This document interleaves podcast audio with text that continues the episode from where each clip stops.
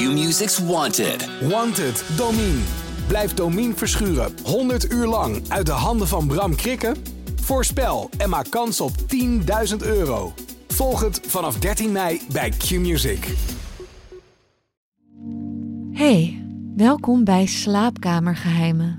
De podcast waarin echte vrouwen spannende en waar gebeurde verhalen over hun seksleven vertellen. Luister je mee?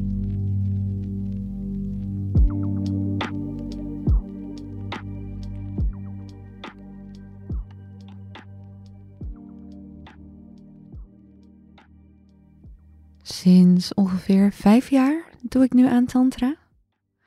Mijn seksleven is beter dan het ooit is geweest.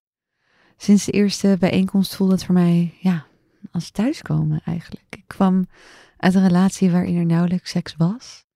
Mijn man had veel minder zin dan ik. En we, ja, als we het deden, was het van die saaie, recht toe, recht aan seks. Heel erg gericht op het eindresultaat. Een orgasme.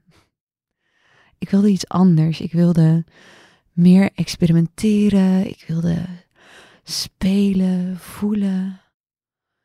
Maar mijn partner stond daar niet voor open.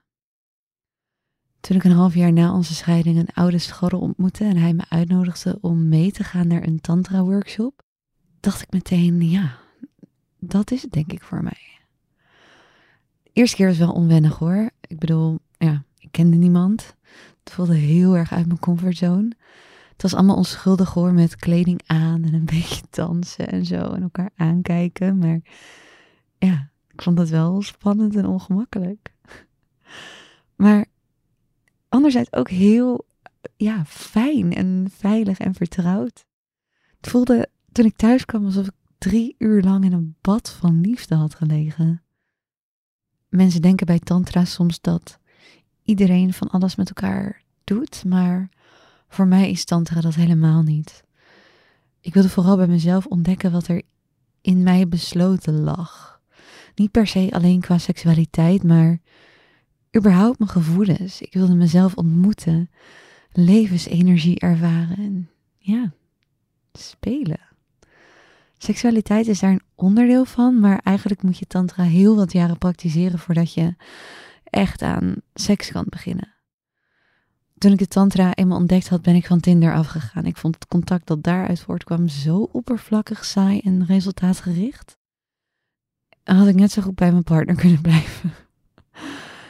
Ik dook helemaal onder in de tantra scene. Ik volgde workshops. Ik ging naar dansavonden en naar massagemiddagen. Zo leerde ik eigenlijk steeds meer mensen kennen. Ehm, uiteindelijk ook mijn huidige partner. Ja, ik ontmoette hem ook tijdens een tantra bijeenkomst. Ik zag hem en ik was op slag verliefd. Al hadden we nog geen enkele oefening met elkaar gedaan. Hij bleek hetzelfde te voelen. En nu zijn we alweer een paar jaar samen. Soms gaan we wel samen naar tantra workshops, maar minstens net zo vaak ga ik eigenlijk nog steeds ja, alleen. Afgelopen weekend nog, ik was bij een uh, yoni-massage. Yoni is Sanskriet voor vagina. Ja, dat is gewoon heel bijzonder. We waren met acht vrouwen en twee begeleiders. We begonnen met wat theorie over het, uh, het vrouwelijk geslacht. En na de theorie was er een meditatie en een dans. En tijdens het dansen zoek je dan als het ware een partner uit met wie je de yoni-massage wil gaan doen. Je danst een beetje om elkaar heen en je kijkt, eh, voelt of er een klik is met iemand. En de vrouw waarmee je die klik voelt, daar ga je dan mee op avontuur. Um, nou ja, dat gebeurde bij mij. En in het tweede deel van de sessie ga je dan elkaar echt masseren. Eerst ontkleed je jezelf, waarbij je de ander jouw schoonheid laat bewonderen. Um, nadat je naar je hebt laten kijken, begin je met elkaar strelen.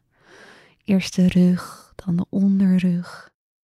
Je streelt de dijen en langzaam ga je dan verder. Je streelt de buitenste schaamlippen, de binnenste schaamlippen en vervolgens ga je langzaam met je vingers in de joni van die andere vrouw. Al met al ben je zo'n anderhalf uur bezig en daarna wissel je van rol. Dus dan masseer jij de vrouw die net jou gemasseerd heeft of andersom. Het is gewoon een hele bijzondere ervaring die helemaal draait om het voelen. Als je degene bent die gemasseerd wordt, dan ben je alleen maar bezig met ontvangen eigenlijk. Je voelt wat je prettig vindt, wat je niet prettig vindt en je kunt dat gewoon uitspreken. Ja. Wat zijn mijn verlangens, waar liggen mijn grenzen? Daar draait het allemaal om. En alles wat ontstaat tijdens een massage, dat is goed. Want soms komt er bijvoorbeeld verdriet vrij als je Joni gemasseerd wordt. ja, dat is echt zo. En soms voel je uh, ja, woede.